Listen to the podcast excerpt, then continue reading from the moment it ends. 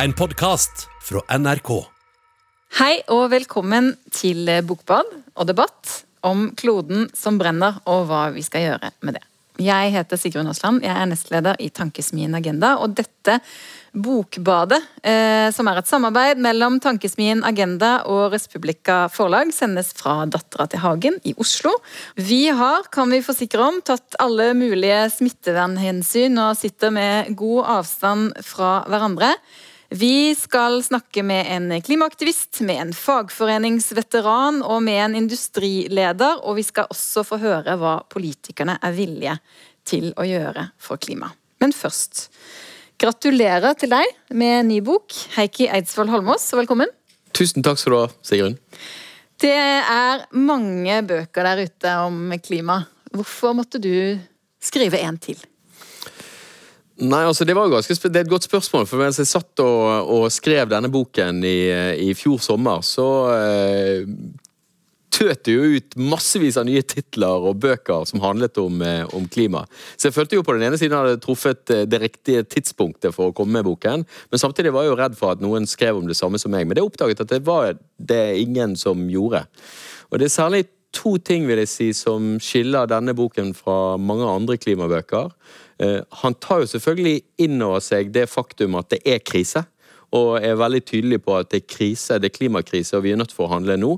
Men jeg argumenterer veldig sterkt for at vi er nødt for å gjøre det på en rettferdig måte, som tar hensyn til å ta med seg de arbeidsfolkene som i dag jobber i næringer som bidrar sterkest til forurensningen, for å sørge for å få de med på omstillingen gjennom å foreslå gode, konkrete tiltak. Og Det er den andre delen av boken som skiller min bok, seg, min bok fra mange andre bøker. Det er at jeg er mer konkret på oppskriften for hvordan vi skal kutte til null innen 2030, som er det jeg foreslår. Og Det kommer jo av at jeg har 16 år på storting og, og, i regjering og har jobbet med å utvikle virkemidler som funker, og noen som har floppet og ikke funket. Men nettopp de erfaringene å ta med seg inn er, er, er gode og viktige erfaringer som gjør at jeg tenkte at nå har jeg noe å dele. Mm. En oppskriftsbok for klimapolitikk.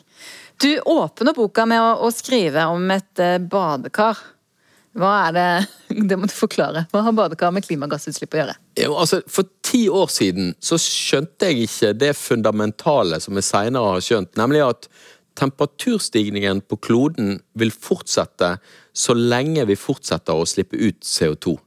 Vi må rett og slett kutte alle utslippene for å hindre temperaturen i å stige videre. Fordi atmosfæren er som et badekar. Jo mer CO2 du heller oppi badekaret, jo mer vil temperaturen komme til å stige. Og Stiger den over de 1,5 gradene som vi har satt oss som et mål, eller som politikere og land verden over har satt seg som mål, så er vi rett og slett nødt for å suge ut igjen CO2 fra badekaret for å få temperaturen ned igjen. Eh, og det betyr jo at jo raskere vi skrur igjen kranen for CO2-utslipp, og jo mer kraftfullt vi gjør det, desto mer tid får vi også før badekaret fylles opp. Og Det tenker jeg, eh, det gir et bilde for å forstå at uh, dette tar ikke slutt. Temperaturstigningene tar ikke slutt før vi faktisk slutter å slippe ut mer CO2.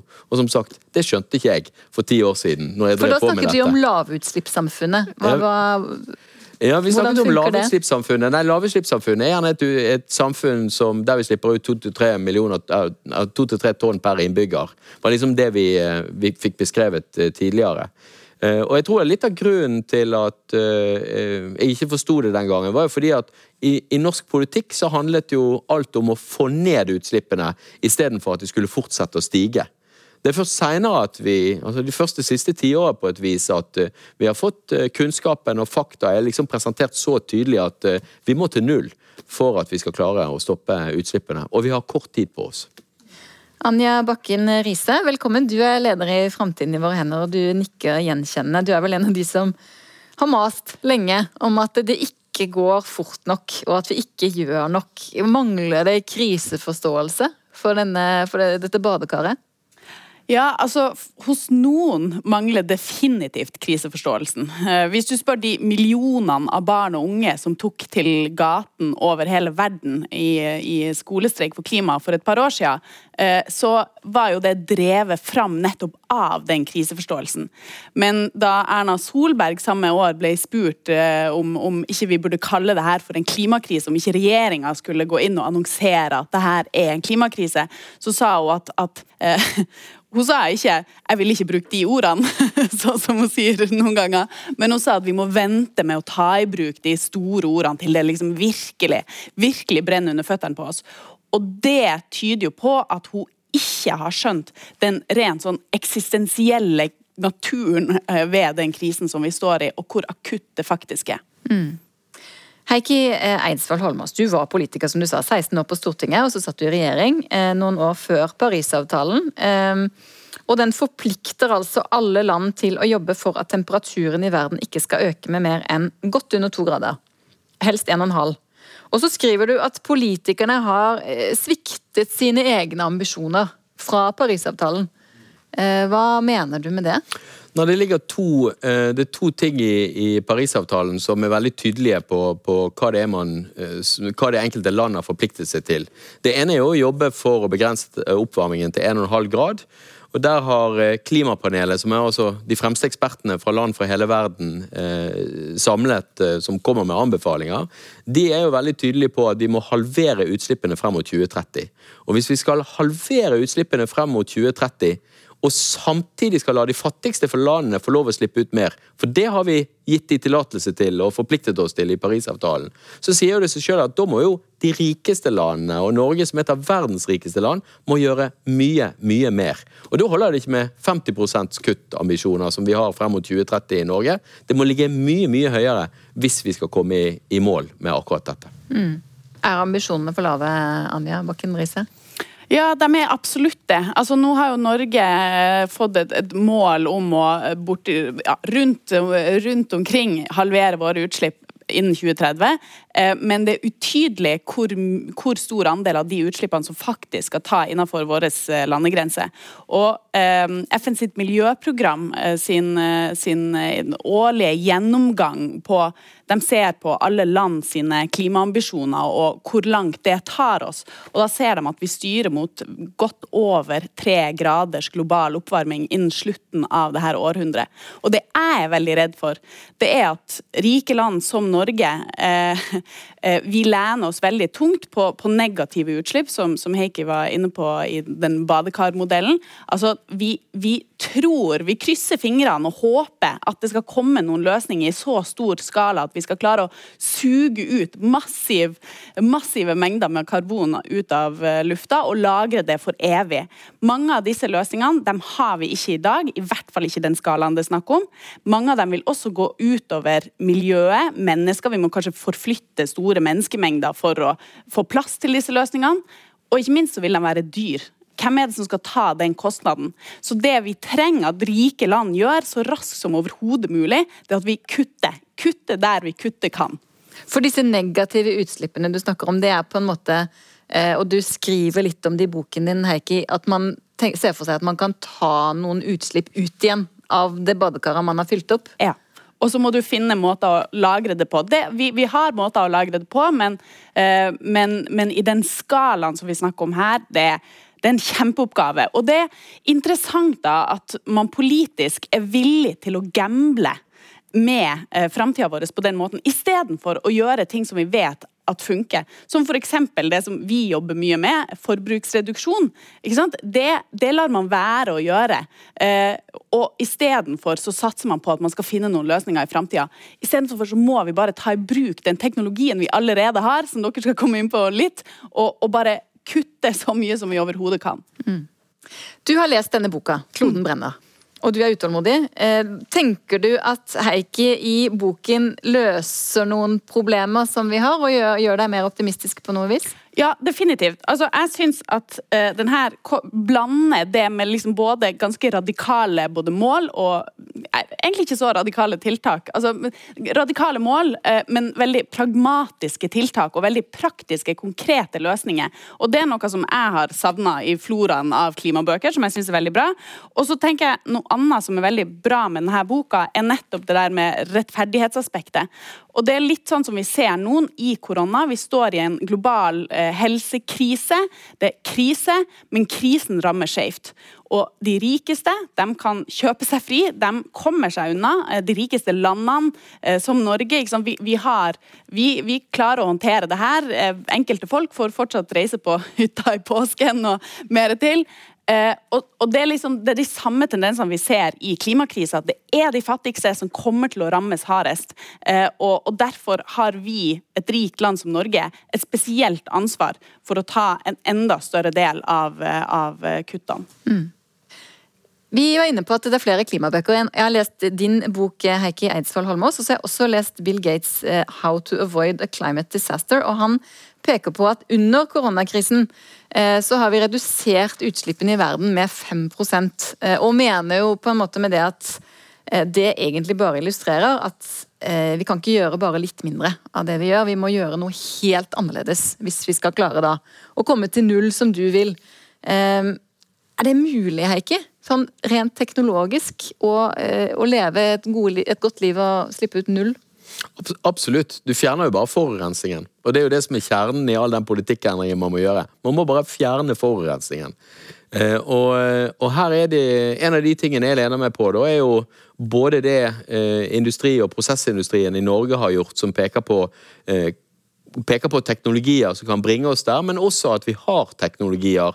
Karbonfangst og -lagring. Man kan bruke eh, elektrolyse for å produsere hydrogen istedenfor å ta hydrogenet fra, eh, fra, fossilgass som vi henter opp fra Nordsjøen. Altså Tekniske løsningene finnes. og DNV, altså gamle, gamle Veritas, som nå heter DNV, de kommer i sin årlige rapport som heter Energy Transition Outlook, og sier veldig tydelig at vi har teknologiene de praktiske løsningene som skal til for å komme, komme, oss til null og nå Parisavtalen sine målsetninger. Men vi mangler den politiske viljen og kraften som ligger i det å gjennomføre det. Og det, det tenker jeg, det er, et, det er et godt budskap vi har teknologien. Teknologi, Det er mange som omtaler seg som teknologioptimister og snakker om at vi kommer nok til å finne en løsning på dette i fremtiden. Nei, ekte teknologioptimister de tar teknologien som finnes, i bruk, og er på den måten med på å drive ned kostnadene og kutte utslippene i samme slengen. Hvis du nettopp kom inn i sendingen, så bokbader vi Heikki Eidsvoll Holmås. Han har skrevet boken 'Kloden brenner'. Jeg skal fortsette på teknologien og løsningene, fordi vi har også fått besøk av Håvard Mo. Du er konserndirektør for teknologi i Elkem, og dessuten styreleder i noe som heter Prosess21, som vi kanskje kan kalle industriens egne klimapanel. Ehm, er det mulig å få utslippene i Norge helt, helt bort? Ja, absolutt. Og jeg er ikke den eneste eh, næringslivslederen som mener det. Altså, de fleste i prosessindustrien, lederne der, mener at nullutslipp er mulig. Og Det vi så i prosess 21, vi eh, gikk inn og gikk virkelig dybden på det. Vi la ned over 30 000 timer i arbeid eh, for å undersøke dette. her. Vi ser at vi har et kortsiktbehov 2030 og et langsiktbehov i 2050. Industrien er på god vei mot halvering fram mot 2030. Og vi vet at vi har løsningene for å halvere utslippene fra 1990 til 2030 med å ta i bruk kjent teknologi. Og dette her er teknologi som bare må tilpasses litt, og så det, har vi kuttet 50 av utslippene. Men vi har stoppet opp. Vi kan ta 3 millioner tonn til i året. Over de neste ti årene er det 30 millioner tonn. Det tilsvarer over et halvt årsbudsjett av de totale utslippene i Norge. Og Da snakker vi om badekaret. Vi kan, det er med kjent teknologi, det er bare spørsmål om å ta det i bruk. Og så skal vi til 2050 så må vi nok utvikle litt teknologi også for at vi skal eh, klare å gjøre det på en så, sånn måte at ikke alt blir altfor dyrt. For det er jo sånn at uh, Vi kan kutte utslippene, men vi må også ha produkter som folk vil kjøpe. Så Skal vi nå nullutslipp, så, så er det viktig at den industrien vi har i dag, den, eh, den er i stand til å omstille seg. Og Du nevnte jo EU i boka di, Heikki. og hadde venta å se at du var EU-tilhenger også. for det, er ikke til å stikke under en stol at EU har den mest ambisiøse klimapolitikken i, i verden. Mer ambisiøse enn Norge, og de har også virkemidlene. Så vår kobling til EU er helt essensielt. Og da er det viktig at norske bedrifter har de samme virkemidlene og samme kravene som EU. Ikke noen særnorske tiltak, men at vi følger, følger EU. Og så har vi noen fortrinn med grønn kraft. Vi, har, vi må opprettholde CO2-kompensasjon og en del andre ting, men, men dette, dette, håndterer vi hvis vi ikke roter det til. Så er det sånn at vi må omstilles. Og da er det, Bare innenfor batteri så kan vi omstille over 20 000 personer fra olje og gass til å produsere batterier i Norge. Altså, nå snakker du om folk som jobber i olje og gass. Ja, altså, Men hvis vi først tar det du sa om vi har teknologien til å halvere utslippene. Den er Ja. ferdig utviklet. Ja. Men hvorfor bruker vi den ikke da? Det er bare spørsmål om hvor mye penger man har lyst til å bruke. Altså, vi installerte karbonfangst på Sleipner Vest i Nordsjøen i 1996. Satte i drift. Det er 25 år siden. Det er ikke så veldig mange karbonfangstanlegg i Norge etter det. Det er noen få. Um, litt bedre går det på bruk av bio. Uh, Elkem holder på å bygge en pilot for biokarbonproduksjon i Canada. Vi investerer 180 millioner. Uh, det kunne ha gått fortere. Uh, heldigvis var canadiske myndigheter på banen og, og betaler betale mellomlegget fra fossilt kull til biokull når vi nå gjør teknologiutvikling. Og der skal vi erstatte uh, tilsvarende 1% av Norges utslipp. Skifte ut fossilt med fornybart, og da skal vi bruke sagbruksavfall. Så, så dette her er mulig, men, men det koster penger. Og da er det sånn at når du, når du skal selge noe i et åpent marked, så er det ikke sånn at du kan være den eneste som gjør det. Altså Alle må gjøre det. og Derfor er det så viktig med den koblingen mot, mot EU. Og det siste Hvis vi skal virkelig komme til null, det er det siste som er vanskeligst. ikke sant? Det første er å komme ned til 50% det går greit, og så skal du videre nedover. Og Da ser vi nå at, eh, at vi har ikke egentlig en helhetlig virkemiddelpakke på plass i Norge. Og det er, eh, det er litt trist. Vi må ha grunnleggende forskning på ting som var kjent for 30-40 år siden, men som man ikke har jobbet med. Men det er ikke midler til universitetene og, og, og instituttene til å jobbe med det. Vi har ikke gode nok piloteringsordninger, og vi må se hvordan vi skalerer opp. Og og den øh, ordningen som kom nå med grønn plattform, er et steg i riktig retning. Men jeg har gått gjennom øh, det som, som kom, og dette er ikke nok til å bringe oss til nullutslipp i 2050. Så, så det er et stykke, på, stykke igjen. Heikki Eidsvoll Almås skriver i boken din også at teknologien finnes. Eh, hva mener du da må til for at vi skal bruke den rene teknologien? Nei, du kan si at Der, eh, der eh, meg og Håvard og industrien skiller lag, er jo å si skal vi gjøre mer i Norge, eller skal vi gjøre akkurat det samme som EU? Og Der mener jo jeg at vi må være enda tydeligere på å si at vi som samfunn skal stille strengere krav, for vi er nødt for å drive denne teknologiutviklingen gjennom. Det vil raskere få ned prisene, det vil raskere bringe frem den teknologien og, og, og gjøre det. Men, men det er akkurat sånn som Håvard Moe sier, så er det dyrere. Og hovedgrunnen til at man ikke, ikke gjør ting når man konkurrerer i et åpent marked, er jo at det er dyrere. Og veldig mye av prosessindustrien i Norge leverer jo til et åpent marked i verden. Og derfor så vil de ikke ha særnorske krav. Men her mener jeg, eh, akkurat sånn som industrien mener sjøl, og sier at vi trenger en avtale med staten. Vi trenger en forpliktende avtale med staten der vi sier hva skal til for å omstille oss mot null? Og så skal staten være forutsigbar og tydelige på hva slags type krav det er som stilles. Og så skal vi være villige med å stille opp, med, stille opp med penger for å smøre denne overgangen. Og det er klart at det kommer til å koste fellesskapet noe penger i en overgangsperiode, eh, men vi må gjøre det. For vi skal jo til nullutslipp, og det haster, og det er krise. Og jeg føler jo at den runden vi har hatt det siste året, der alle sammen skjønner at det er krise. Det er koronakrise. Vi forstår at det er krise, og vi får beskjed fra lederne våre om at det er krise, og de legger pengene på bordet for å si dette skal vi klare å komme oss gjennom i fellesskap. Det er litt av den samme forståelsen vi er nødt for å ha når det gjelder klima, for vi er på vei mot tre grader, ikke på en og en halv grad, sånn som vi har sagt oss som en ambisjon å komme til. Håvard Moe, vil dere ha en sånn avtale? Ville det hjelpe? Og hva Ja, skal i så fall absolutt. ligge i det? Ja, absolutt. En, en avtale er nødvendig.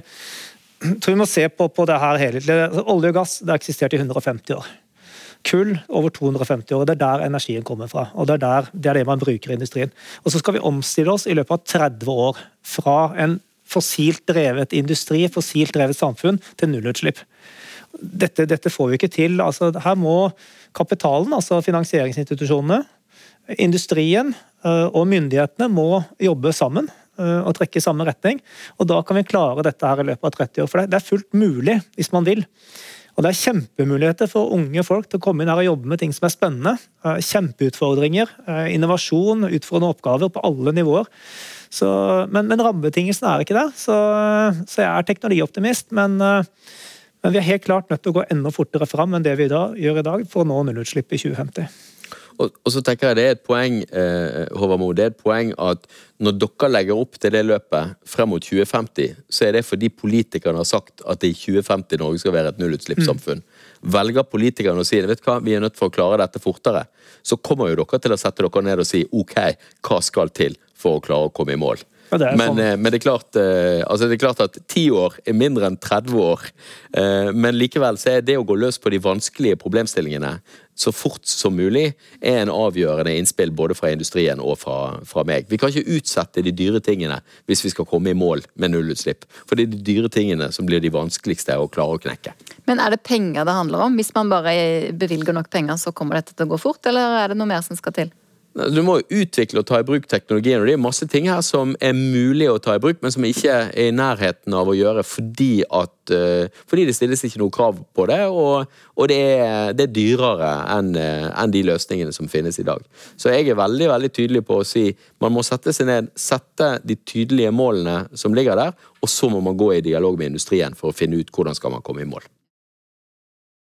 Jeg har lyst til å gå løs på det som du innledet med også, som, som du i boken din kaller for 'elefanten i rommet'. Eh, fordi du skriver i boken din at eh, det er en elefant i rommet i den norske klimadebatten, og det er olje og gass.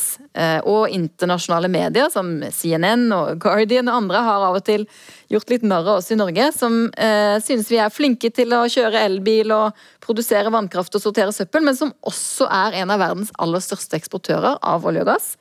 Eh, og du er opptatt av at vi må ta ansvar også for de utslippene som skjer i andre land, for det gjør vi jo på en måte ikke eh, i klimapolitikken.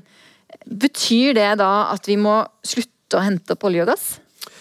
Altså, jeg skriver jo i boken at uh, når jeg begynte dette arbeidet med å skrive denne boken, så var inngangen min at vi, uh, vi bør antageligvis gjøre som i, i Tyskland, der uh, de tyske oljearbeiderne, der kullarbeiderne satte seg ned, og staten og næringslivet og alle satte seg ned og sa vi må finne en dato for utfasing av kull. Og jeg tenkte når jeg startet arbeidet at noe sånt burde vi også gjøre i Norge med, med oljeindustrien. Men etter hvert så har jeg endret posisjon. Og det er rett og slett fordi at hvis du skal ha med deg oljearbeiderne og alle de folkene som jobber i næringslivet og industrien knyttet opp mot oljeindustrien, på å lede an for en omstilling, så må du ha en omstilling som tar vare på de arbeidsplassene som finnes der, men gir de grønne oppgaver istedenfor uh, å fortsette å bidra til, uh, til, til, forurensning. Og Det er vel uh, Omund Stokka, en av de tillitsvalgte i LHIT, som sier veldig tydelig og peker på det at det er nøyaktig de samme folkene som borer etter olje på et, på et skip, som deretter går over til å bore etter eh, for, bore de hulene som skal til for å få til karbonfangst og -lagring. Og dermed er kanskje de mest miljøvennlige eh, arbeidsfolkene i, i, landet. Og det, det, er det å se begge sider av dette jeg prøver å gjøre gjennom å si at eh, vi er nødt for å stille kraft til oljeindustrien om at de bit for bit er nødt for å ta en større andel av ansvaret for utslippene de kommer.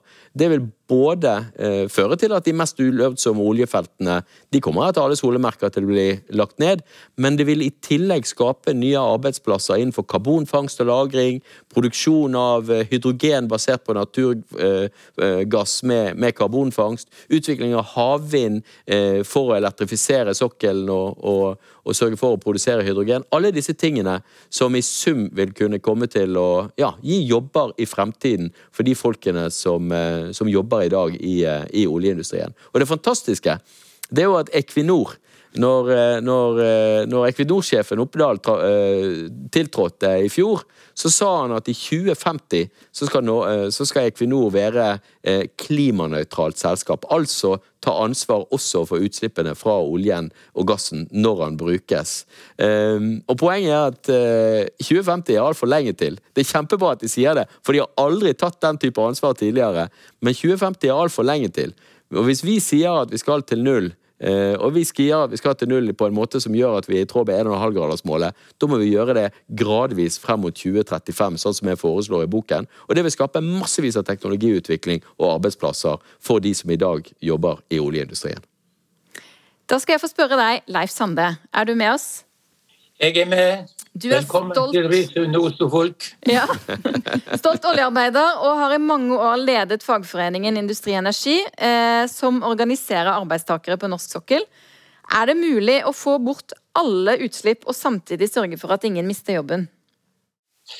Eh, Det er mulig, og det er aldri mulig å få sikre alle jobben i alle omstillingsprosesser. Men det, det som er mulig, det er å få til til en omstilling av en hel næring uten at den næringen skal forsvinne. For jeg tror det muligheten er såpass stor i dag til å finne løsninger som lar seg kombinere med å opprettholde arbeidsplasser, og at det bare er viljen som da mangler hvis det ikke blir tatt i bruk. Badekaret til Holmås det er jo veldig illustrerende. Vi kan ikke fylle på det for mye, da ryker 1,5-gradersmålet. Derfor så må, kan vi strupe på, på utslippene. Men det er òg en tappeplugg i bunnen på det badekaret, og vi kan tappe ut igjen. Og Det er jo da den nye teknologien gir oss muligheter til, nemlig å fjerne CO2 fra atmosfæren. Og Hva er det som hindrer det igjen? Jo, det er da de ikke er villige til å ta i bruk de dyre løsningene. Men hvis det er noe som oljenæringen kunne tatt i bruk, så var det jo dyre løsninger. Det finnes knapt en næring som er så profitabel på den. I Norge så beskatter vi jo med 78% for det ligger en sånn eh, superprofitt der, kan du si, eh, som, som de har muligheter til å betale. Slik at hvis det er en næring som har anledning til å omstille seg og få dette til, så bør det eh, være, være den. Og Vi ser jo f.eks. som har vært nevnt her flere ganger, eh, eh, CO2-rensing. Det viste Sleipner. For 25 år siden etablerte de rensing og fangst og lagring på Sleipner-feltet. Og Hvorfor gjorde de det? Jo, fordi at Statoil eller Equinor hadde ikke fått solgt olja si, hadde ikke de tatt ut CO2-en. Altså Det var et økonomisk spørsmål. De, de måtte på en måte løse CO2-problemet for å få solgt olja si. Og da ble det løst på en blunk.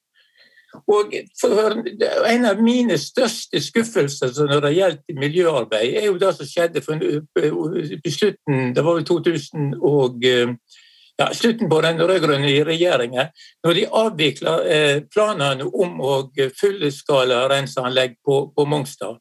Altså, Da du jobba med det i mange år, og så ble alt avvikla. Altså, det hadde jo vært kjempemulighet å få gjort dette ferdig og gått videre på den løsningen. CO2-utslippene i Norge hadde vært betydelig lavere enn en fullførte.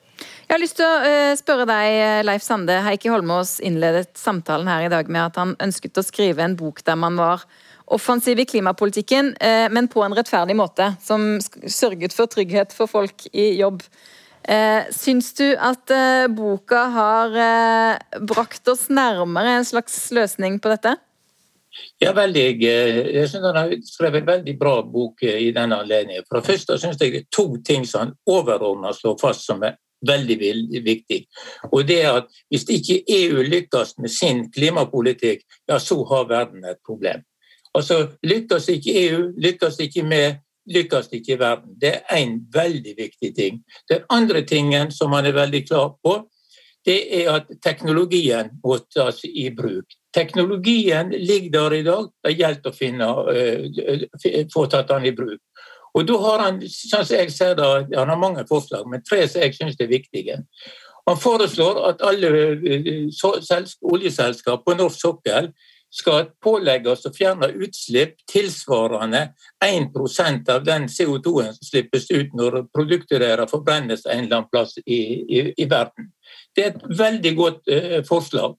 Og det vil igjen føre til at man må satse på produksjon av blå hydrogen, altså produksjon eh, basert på gass, men med fangst og lagring. Og det vil måtte òg utvikles anlegg der man eh, trekker CO2 ut fra atmosfæren. Og det er jo etter min mening det desidert mest framtidsretta forslaget som, som eh, tenkes kan. Vi må få på plass de mulighetene eh, framover, for da det, det kan være en løsning på veldig mye. For det er ikke sikkert at hele verden lykkes like godt som Norge med å få, eh, få eh, finne sine løsninger. Og det vil være en løsning som vil gjelde alle, hvis man først får det på plass. Og så har han et forslag til som jeg syns er veldig bra. det er dette her om å lage avtaler mellom industrien og staten om hvordan man skal kunne finne løsninger. Det tror jeg er et veldig veldig viktig forslag. Du kan få mye mer trykk på, på, det på, på du, altså du, kan skape en atmosfære for at her skal løsningene finnes. Og så finner en i fellesskap fram til den verktøykassen som skal brukes for å få det til. Stat, ansatte, bedrift i et fellesskap for å få dette til. Så jeg syns alt i alt, selv om jeg ikke vil gå god for alt som står i den der, og så syns jeg alt i alt han har skrevet en bok som, som, egen, som, gir oss mye kunnskap, og ikke minst eh, mange forslag som er vel verdt å gå videre på. Tusen takk, og jeg eh, skal si tusen takk til Anja Bakken Riise, til Håvard Mo og til Leif Sande. Og så skal jeg minne om at du hører på Debatt i P2 med Heikki Eidsvoll Holmås, som gir ut boken 'Kloden brenner'. Hva må gjøres? Eh, og Heikki, du har jo ti forslag du i denne boka. Vi rekker ikke gå gjennom alle, men du skal få velge de tre viktigste. Få, uh, kanskje få gruppere de, fordi at uh, jeg tenker En av de aller viktigste tingene å få på plass, det er mitt første forslag, som, som er å si at vi i Norge må lage en felles klima- og energiplan som både uh, ser på hva trenger industrien av ny energi for å få til den omstillingen og næringsutviklingen som de ønsker? Eh, hva trenger vi for å elektrifisere hele transportnæringen? Hva trenger vi for å, eh, å, å sørge for å, å, elektrifisere resten av samfunnet, inklusiv oljesektoren? Alle disse tingene er helt avgjørende for at vi kommer i mål. men også tar natur- og miljøhensyn og legger til rette for den nye fornybare energiproduksjonen som vi er nødt for å få til. Men du får ikke dette til hvis du tar disse debattene helt løsrevet. Sant? Ja eller nei til elektrifisering av sokkelen, ja eller nei til vindmøller. Det funker ikke. Ser, vi ser at vi klarer ikke å løse den debatten på en god måte. Vi er nødt for å se disse tingene i sammenheng og opp mot hverandre. Og Da trenger vi å, å ta et sånn type grep om å lage en helhetlig klima- og energiplan. Det andre eh, hovedgrepet jeg vil si jeg, jeg, jeg gjør, er å si at alle deler av samfunnet må pålegges å planlegge for nullutslipp i 2030. Enten det gjelder kommuner, det gjelder eh, partene i arbeidslivet som skal samarbeide om, om, om, disse tingene og bruke den norske modellen, sånn som vi gjør når det er alle store, viktige spørsmål. Det gjelder virksomheter, det gjelder eh, staten i alle sine offentlige innkjøp. Vi må bruke alle virkemidlene vi kan for å klare å kutte utslippene ned mot null. Og Det tredje eh, jeg vil si er jo den, den, den, mengden av konkrete forslag som jeg har i, enkel, eh, i hver enkelt sektor. Og det viktigste, altså transportnæringen, i eh, oljenæringen, energi- og avfallsforbrenning. Og det viktigste jeg foreslår der, det er å si at Staten bør bruke reguleringer og CO2-avgifter som ris bak speilet, men så bør de gå i dialog med næringene sjøl, sånn at man kan få utløst den kreativiteten som finnes i næringene, til å sjøl være med på den og finansiere den omstillingen som må til. Og Vi ser det har funket før, og vi ser også at det er det som, eh, som fungerer, eh, og som vi ser at næringene vil. Sant? Du ser eh, Industrinæringen sier vi vil gjerne ha en avtale med staten. Vi, eh, vi, ser at oljenæringen, når de blir pålagt økte CO2-avgifter, så sier de kan ikke vi heller få lov å betale det sjøl, men da vil vi gjerne eh, sjøl også bestemme hvor pengene skal gå til for å, for å, kutte utslipp. Og Det tenker jeg er den kloke og beste og mest effektive måten å gjøre dette på. Skaper også mest engasjement og utløser kreativitet i næringene. La de få finne ut av det selv, med litt trussel eh, i bakhånd. Mm. Det er, en, eh, det er vel, eh, Jeg tror det er Torbjørn Johansson som sier det, altså sjefen for ASKO, eller styreleder i, i ASKO, som sier det at man må bruke Politikerne må komme med både pisk og gulrot, og gjerne pisk først. er det han sier. Men sikre oss forutsigbarhet for hva det er vi skal oppnå. Vi trenger ti års horisont for våre investeringer. Da må vi vite at, at politikken ligger fast i en tiårsperiode. Og Det er derfor det å si vi må til null i 2030 er et veldig godt utgangspunkt for en sånn dialog med næringslivet.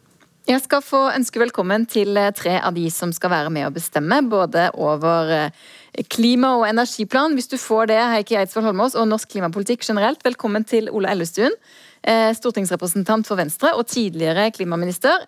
Og Espen Barth Eide, stortingsrepresentant for Arbeiderpartiet, og til Kari Elisabeth Kaski, stortingsrepresentant for SV. Jeg har lyst til å begynne med deg, Kari Elisabeth. Holder det at vi får bort egne utslipp, eller må vi ta ansvar også for de utslippene som norsk olje og gass vi har hentet opp, skaper i andre deler av verden? Um, ja, det må vi. Um, og den aller viktigste eh, måten vi gjør det på, er jo for det første å ta ansvar for våre egne utslipp raskest mulig. Um, og Derfor så liker jeg ideen i det som, som ligger i boka også til, til Heikki, at vi, vi skal øke ambisjonsnivået til nullutslipp innen 2030. Fordi på veien dit, da, eh, gjennom alle de løsningene som vi er nødt til å ta i bruk for å klare det målet, eh, så vil vi jo utvikle og, og skape markeder for å presse teknologiutviklinga i riktig retning på klimagassutslippsløsninger, eh, som også resten av verden trenger. Og det er kanskje kjernen i oppdraget som vi som rike oljenasjon har, da, er å, å, å tilgjengeliggjøre klimaløsninger for andre land.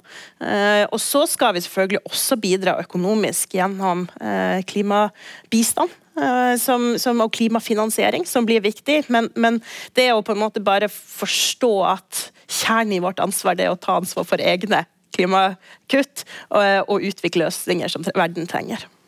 Ola Elvestuen, du har sittet i regjering etter at Heikki Eidsvoll Holmås gjorde det. Hva er den viktigste forskjellen på det han tar til orde for i denne boka, det som er dagens klimapolitikk, vil du si? Ja, jeg vet ikke om det er så veldig stor forskjell. Det eneste er, det er selvfølgelig tempo. At vi skal i null innen 2030 på CO2-utslippene. Det som jo ligger i, i, regjeringsplattformen, er at vi skal, og det kommer en sak i løpet av våren, at vi ved klimaloven skal redusere utslippet 90-95% i 2050. Og det vil si, da, da er det bare husdyra igjen, som jeg pleier å si. Så da skal jo alle CO2-utslippene må jo da ned til null innen 2050. Eh, så, så det, som er, det, som er, bra med boka, er at den får opp diskusjonen om hvor radikale endringer vi må ha. Det er altså bare null som er, eh, som er godt nok. Eh, og så er det en diskusjon der ja, hvor fort klarer vi å få det til. Så tempo er den største forskjellen. Mm. Men er dere enig i at det er eh, mulig og nødvendig å komme til null så fort? Om det er, eh, om det er fysisk mulig, det er jo den ene tingen. Er teknologien Får du den så raskt at du får nullutslippsløsninger raskt nok? Eller må du bruke mer biodrivstoff og bioenergi, for å si det sånn, med, de, med den risikoen det har for at du også kan føre til utslipp av andre steder? Det er jo den ene, om det er, om det er mulig. Og så er den andre er, er det er det nok vilje til å få det så raskt igjennom? Det er den politiske kampen som alltid vil være det. Mm. Ja, og denne boka her, sånn, den, den anbefaler jeg å lese også pga. oppbygginga i den. Fordi Eh, Heikki har jo her eh, tatt utgangspunkt i at man skal liksom radikaliseres gjennom det første kapitlet. Og det, det traff meg så veldig når jeg kom dit, så jeg tok med boka opp. fordi um, det står jo her at han har, og du har ønska å bidra til den samme radikaliseringa av deg som leser som du sjøl har gått gjennom da, det siste, eller i arbeidet med boka. Og, og det er helt reelt. Sjøl vi som har jobba med klima lenge, eh, trenger, trenger, å bli minnet på hvor, hvor, hvor stort alvoret er, og hvor mye det har haster. Eh, men så finnes jo også løsningene. og, og ikke, Man blir optimistisk igjen når man hører sånn som Elkem snakke. Om, og, og, du ser den vilja som finnes ute i industrien og i næringslivet. Det finnes løsninger for å kutte klimagassutslippene raskt nok til å komme til null innen 2030 det som er spørsmålet nå, er hvordan vi gjør det. Og, og, og du ser jo i klima debatten og hele det politiske landskapet i Norge, den store motstanden som begynner å merkes nå, når klimapolitikken fungerer. Sant? Og det kommer vi, det må vi jo bare være stålsatt for at det kommer vi til å merke i enda større grad gjennom de neste årene. Fordi at samfunnet skal gjennom så store endringer på kort tid, forhåpentligvis. Eh, og da er jo nøkkelen sånn, hvordan skal vi lykkes med det uten at motstanden blir for stor.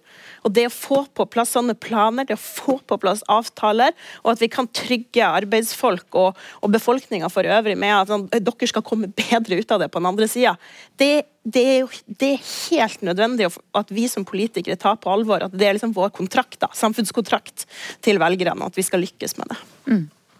Espen Barth Eide, eh, Heikki Eidsvoll Holmås skriver i boken sin at all teknologien som finnes, som vi trenger, finnes, eller er på god vei, men ikke benyttes. Og så vil han at myndighetene skal bidra mer. Men Er det ikke risikabelt å bruke store offentlige penger på noe som markedet egentlig ikke vil ha? Heikki er en klok mann, han har skrevet en klok bok. Eh, og jeg mener at eh, det med å bruke de teknologiske mulighetene er helt utrolig viktig. Så er det veldig ofte når man sier det, så tror folk at man sier at staten skal betale alt. Men det trengs ikke. Fordi at eh, det er en voldsom grønn bølge i næringslivet. Det er faktisk mer kapital enn prosjekter på grønn side. De leter etter grønne havner. Det staten kan gjøre, er av og til å komme med statlig tålmodig kapital, men det er vel så mye å komme med regulatoriske grep med forbud og påbud og standarder og krav. Det er å komme med å tilrettelegge for infrastruktur, slik at man kan både produsere og distribuere og forbruke f.eks. For hydrogen, hvis man skal gjøre det istedenfor fossile gasser. Så, stat, så det jeg ser på egentlig er at vi trenger vi begynner å få et ganske bra fotballag. Det er ganske mange gode spillere. Men det fotballaget trenger en trener eh, som eh, sier litt om lagoppstilling og formasjon og analyserer det andre laget og litt sånn. Og alle som har spilt fotball vet at det blir ganske mye bedre med trener enn uten trener. Eh, og den treneren bør være staten. Eh, I den forstand så mener jeg at eh, vi trenger ambisiøse stater som setter retning, men som går inn i et partnerskap med arbeidsfolk og eiere og kapitalforvaltere og sånn i hvor vi skal. Så Det er mitt bud på en aktiv næringspolitikk. Ikke at du trenger å eie alt og drifte alt fra statens side. Eh, Ola Elvestuen, trenger vi mer statlig styring i klimapolitikken? En sterkere eller mer aktiv stat? Ja, Du trenger jo en stat som vi må jo bestemme hvor vi skal, og det har vi gjort også. Bl.a. at vi har knyttet oss så tett opp til EU sine mål. Nå er vi en del av hele deres, eh, deres eh, klimapolitikk, og at vi da skal ned 55 og Mange av oss mener at vi skal det også i Norge. Og For å komme dit så er det klart at staten må, må, sette det målet. og Vi må lage et virkemiddelapparat som støtter opp under næringslivet for å klare å nå de målene. Og vi har jo gjort det bare nullutslippskjøretøy 25, alle disse er jo statlige. Det ligger mye vilje bak det. Eh, og så må vi klare å bruke og utnytte markedet for å nå de målene. Kari Elisabeth, og så ja, og, og, og, staten må jo være villig til å sette makt også bak de ambisjonene som vi, vi setter, da, rett og slett. Og det, det er jo den, de avtalene og den kombinasjonen av nettopp pisk og gulrot for å gjøre at vi klarer å nå de målene. F.eks. da med nullutslippskjøretøy innen 2025. Det kommer ikke til å komme av seg sjøl. Teknologien finnes der, og, og, markedet driver det framover. Men for at det skal gå raskt nok, så må det være en, en politisk vilje til å bruke pisk, og, og også forstå at vi må det er noe vi må gjøre mindre av, og det er noe vi må bort med. Eh, så, så det tror jeg blir liksom viktig eh, at staten gjør, men også at staten går inn og, og tilrettelegger for at det blir en sammenheng i klimapolitikken med næringspolitikken. Sånn at det er norsk næringsliv, norsk leverandørindustri som eksempler, som også kan være med og tjene på den omstillinga som vi skal gjennom, og levere de løsningene og de produktene som, som tar oss til null. Holmås, det høres ut som politikerne vil gjøre som du sier? Uh, ja da, men de, altså, det, er to, det, er to, det, er jo to viktige springende punkt her. Sant? Det ene er hvor raskt skal vi gjøre det? Eh, hva slags ambisjoner skal vi sette oss? Og Der tenker jeg jo at uh, altså Vi var mange her som jobbet med, med Parisavtalen og målene som ligger i, i, i Parisavtalen. Uh, men vi har ikke, og dere som er politikere i dag, har ikke virkelig tatt inn over dere hvor store ambisjoner vi er nødt for å ha for at vi skal nå målet om 1,5 grad. 50 reduksjoner i verden innen 2050, samtidig som de fattigste landene skal få øke sine, betyr at land som Norge må gjøre mye mer enn 50% Og Der har vi, og, og der har vi, der har vi etter min oppfatning en del å, å, å gå på. Og så er det denne andre, denne andre biten, og det, det kjenner jeg veldig på. Uh, som gammel politiker sjøl gjennom mange år. Vi var jo alltid redd for å stille for høye krav, for vi var usikre på om næringslivet var i stand til å levere på det. Men etter å ha jobbet med næringslivet nå i, i som, som i, i, konsulentselskapet og med, i konsulentbransjen, med ingeniører, så, og vært i dialog med, med, med, alle aktørene der ute, så ser jeg jo at det sitter jo massevis av næringsliv som er klar, akkurat sånn som Espen sier, for å investere i nullutslippsløsningene, men opplever at politikerne er for bakpå og for lite ambisiøse på kravsiden. Så der tenker jeg liksom, der, her, her spiller jeg ballen tilbake og sier ikke vær redd for å stille strenge krav, fordi det er mange folk der ute som er interessert i å levere sine teknologiløsninger til, til alle sammen. Så det får, bare, det får være, det får være innspillet. Espen Barth Eide, så skal jeg spørre Ole Elvestuen etterpå. Ja, men, men, det Heikki sier der, er sant. For det også, jeg opplever også at næringslivet i Norge og ute i verden går egentlig foran politikerne. Altså Næringslivet har skjønt det enda mer enn politikere har, og det, det, er fordi de rett og slett skjønner at deres egen bedrift ikke har noe særlig fremtid hvis klimakrisen slår til for fullt, og at det, eller at det produktet de lager er det ingen som vil ha når politikken faktisk begynner å virke. Så det er sant. Nå vil jeg jo si at uh, det, det, har skjedd mye de siste årene. altså Min egen, mitt parti og arbeiderbevegelsen har jo nå gått sammen om 55% kutt i hele økonomien, altså både kvotepliktig og ikke-kvotepliktig sektor, som et nasjonalt mål. Og det er liksom med LO på laget. Uh, det er ikke 80 eller 100, det vet jeg, men det er en ganske stor bevegelse i vilje. Og så lager vi konkrete utslippsbudsjetter, hvor vi ned til tonnet omtrent sier dette er sammenhengen mellom virkemidler og klimakutt. Det er en ny måte å tenke på. Er det bra nok? Kanskje ikke. Eh, altså, det kan jeg gi deg, men det er en betydelig bevegelse i at begynner å, dette begynner å henge sammen. Og så, som du skriver så godt om i boka, det at EU nå tar en lederrolle og nå har de fått hjelp av Biden, da, som egentlig gjør mye av det samme i USA, betyr at den nye normalen for rike industriland er å styre mot netto null, og, de, og mene det. Og når, og når, det er sant, så begynner det å bli veldig dumt å, å, henge fast i gamle fossile løsninger. For da begynner du å skjønne at det er veldig dårlig investering. Da må du over på det nye sporet, og derfor snakker man om batterifabrikker og karbonfangst og -lagring og havvind, land og strand rundt. Samme hvor jeg drar rundt kysten, er det det de snakker om. Ingen av de prosjektene hadde vært der uten klimakrisen. Det er jo pga. klimakrisen at disse mulighetene oppstår. Ole Elvestuen. Ja, nei, Radikaliteten er der. Fordi vi skal, vi skal lenger enn netto null i Norge. Når vi setter mål 90-95% utslippskutt, så er vi langt under det som er klimanøytralitet, eller, eller eh, den balansen som er der. Så, vi, så det vi tar inn over oss, er at vi skal i null. Og så er det hvor langt og hvor fort er det hvor fort vi, vi klarer å få det til, som er utfordringen. Som ikke bare er å bestemme seg for når, men du må drive fram også den teknologiutviklingen som er nødvendig, og ta den i bruk raskt nok for å komme ned mot eh, null. Kari Elisabeth, er politikerne for eh, slappe i forventningene? Ja, det er vi jo. Helt klart. Og jeg, jeg deler fullt og helt bildet av at si, hvis du har lyst til å bli pessimistisk, så må du se på politikken. Også. hvis du vil bli optimistisk, så må du se til næringslivet i realiteten, og, og til de klimastreikende ungdommene. For det der drivkrafta ordentlig er. Og et eksempel på det sant? fordi at jeg er helt enig i at klimamålene er ambisiøse, de for all del, men de er ikke ambisiøse nok. Og, og hele kjernen her er hvor sinnssykt raskt det må gå. Den klimabadekarmodellen er helt riktig. Sant? Vi har ikke tida til å gjøre de her utslippskuttene i 2029 eller i 2040 det, det, er, det, er, for sent å gjøre de store endringene som må gjøres, for da har vi sluppet ut for mye CO2. og Det er jo det som gjør meg så desperat her. sant? Fordi, um, fordi vi må gjøre det til neste år og i år og, og, og, og, om to år og tre år. Så må, må vi begynne å se de virkelige taktskiftene og de store kuttene begynne å skje. Og, uten å gå inn i altfor mye sånn politisk polemikk, så, så, er det klart at når du har sett nå klimameldingene som nylig er behandlet på Stortinget, og, vi ikke klarer å, å få et flertall å raskt nok eh, trappe opp CO2-avgifta, for å ta det som et eksempel, så er jo det et, eh, et eksempel på at ok, vi er enige om målet der framme, men, men, forståelsen av hvor raskt det må skje, og at vi ikke kan utsette det, den er ikke på plass riktig ennå. Og det, det uroer meg. Heikki Eidsvoll Holmås, hvis du trekker deg litt ut av Du har vært politiker, du er det ikke lenger. Du ser på disse politikerne som som er ganske enige om at det skal kuttes mye utslipp eh, ganske fort. Hvor er det de store konfliktene ligger hen, sånn som du ser det?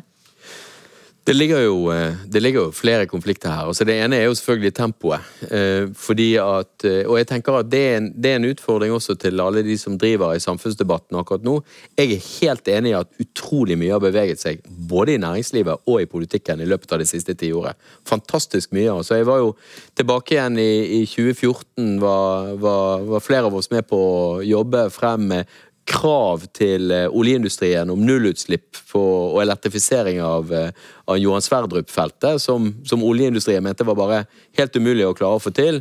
Nå eh, gjennomføres det, og politikken har vedtatt at dette skal, skal gjøres. Og nå er det oljenæringen som sjøl sier at vi vil kutte utslippene med 50% eller 40% Nå er det 50% frem mot, eh, mot 2030. Så enormt mye har beveget seg, og det er helt riktig som Espen sier, at i fagbevegelsen er det også store bevegelser. Man er inne og sier vi skal ikke lenger kjøpe oss Vi skal ikke lenger lete etter de billigste utslippskuppene. Vi skal faktisk gjennomføre utslippsendringer her. Fordi vi forstår at hvis vi gjennomfører hvis vi, kjøper, hvis vi kjøper oss fri eller betaler andre for å omstille seg i utlandet, så lar man jo være å omstille seg her.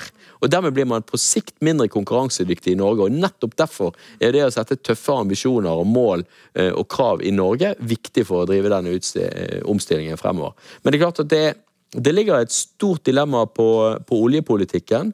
Eh, og der jo mitt forslag er å ta Equinor eh, altså ta de på ordet og, være, og, ta de på alvor når de sier at de skal være nullutslipp i, eller klimanøytrale i 2050, og si nei, vet du hva, vi må trekke dette nærmere i tid til det som trengs.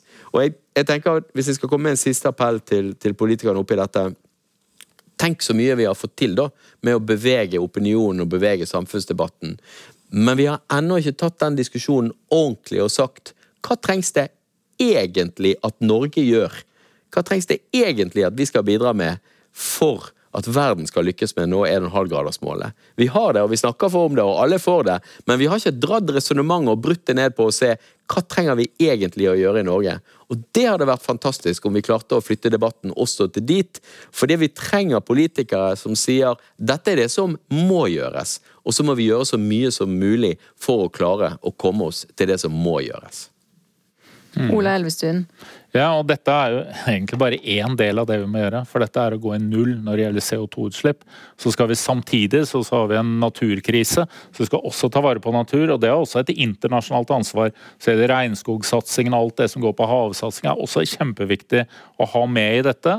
Og så er det siste er at du skal altså etablere en global markedsøkonomi innenfor naturens tåleevne. Mm. Så alt det som går på sirkulær økonomi, alt det som går på mye med større ressurser, effektivitet, er også en del av dette. Der du ikke egentlig kan måle hvor utslippene er. Men, men vi må ta et ansvar her, akkurat som alle andre, for å holde dette innenfor det som er naturens tåleevne. Så i, når historien skal se tilbake, så vil jeg tro at det å gå bort fra fossile energikilder egentlig er den enkleste jobben. Men det som Heikki påpeker, er hvor fort dette må skje. Mm. Det, det, Ola sier der er helt sant. fordi det, Vi har en klimakrise og vi har en naturkrise, og de er like alvorlige. Eh, de henger sammen, de forsterker hverandre og påvirker hverandre på mange måter. Men er også, de er også forskjellige, fordi biodiversitets krisen og mangel på nye jomfruelige ressurser som ennå ikke er tatt ut, er en akutt krise som også må løses. Så vi må også lære oss, og vi skal sette pris på utslipp for å få utslippene ned. Vi må også begynne med naturavgift eller naturbidrag, og så sette en pris på det å forsyne seg urørt natur. Ikke fordi du aldri ikke kan gjøre det lenger, men det må prises og det må kompenseres med noe annet, slik at det går inn i Det er også det som økonomene på Finn kaller en eksternalitet, da. noe som, som må inn i regnskapet. Eh, og det også har det vært en bevegelse på. det at Arbeiderpartiet sier det, det tror jeg er nytt. Det var ikke nødvendigvis sånn før, men nå gjør man det. Fordi man skjønner at du kan ikke lenger være styringsparti Eh, uten å styre på de premissene som naturens yttergrense sender. Altså, du kan ikke styre rett mot et stup og mene at du driver med ansvarlig styring. Da må du bruke liksom rattet og bremse og gasspedal og styre en annen retning, og det er det vi nå begynner å skjønne. Og så vil jeg si at Heikki har mange gode forslag. Eh, eh, et av dem er det å begynne å regne på hva vi egentlig trengte, selv om å være ærlig på det. Ikke sant? For da kan vi i hvert fall på en måte, istedenfor å hele tiden snakke om at dette er for mye, eller huff a meg, eller jeg kjenner noen som ikke liker den avgiften, så kunne man begynne å snakke om at det er jo egentlig litt for lite, og så kan vi i hvert fall synliggjøre det. da. Og så se om det kan finnes andre veier, og så får vi ha en sunn politisk diskusjon. Er det først og fremst markedet, som noen mener, er det først og fremst staten, er det en kombinasjon? Hvordan du når dit, men at du setter disse målene i fellesskap. Og det vi, mener jeg at vi er i ferd med å gjøre. Vi nærmer oss det punktet hvor vi egentlig ikke trenger å bruke så mye tid på de som ikke vil noe, men egentlig ha en diskusjon mellom de som vil, om hva som er riktig vei framover. Da har politikken gått inn i et mye bedre spor, mener jeg. Det eh, må bli siste ord, for du har hørt eh, debatt i P2 med Heikki Eidsvoll Holmås. Eh, han har skrevet boka 'Kloden brenner hva må gjøres'. Tusen takk til Kari Elisabeth Kaski, eh, til Espen Barth Eide og til Ola Elvestuen. Eh, tusen takk og gratulerer til forfatter og teknologioptimist Heikki Eidsvoll Holmås. Og ikke minst takk til alle dere som hørte på. Jeg heter Sigrun Aasland, og vi ses og høres snart igjen. Du har hørt en podkast fra NRK. Hør flere podkaster og din favorittkanal i appen NRK Radio.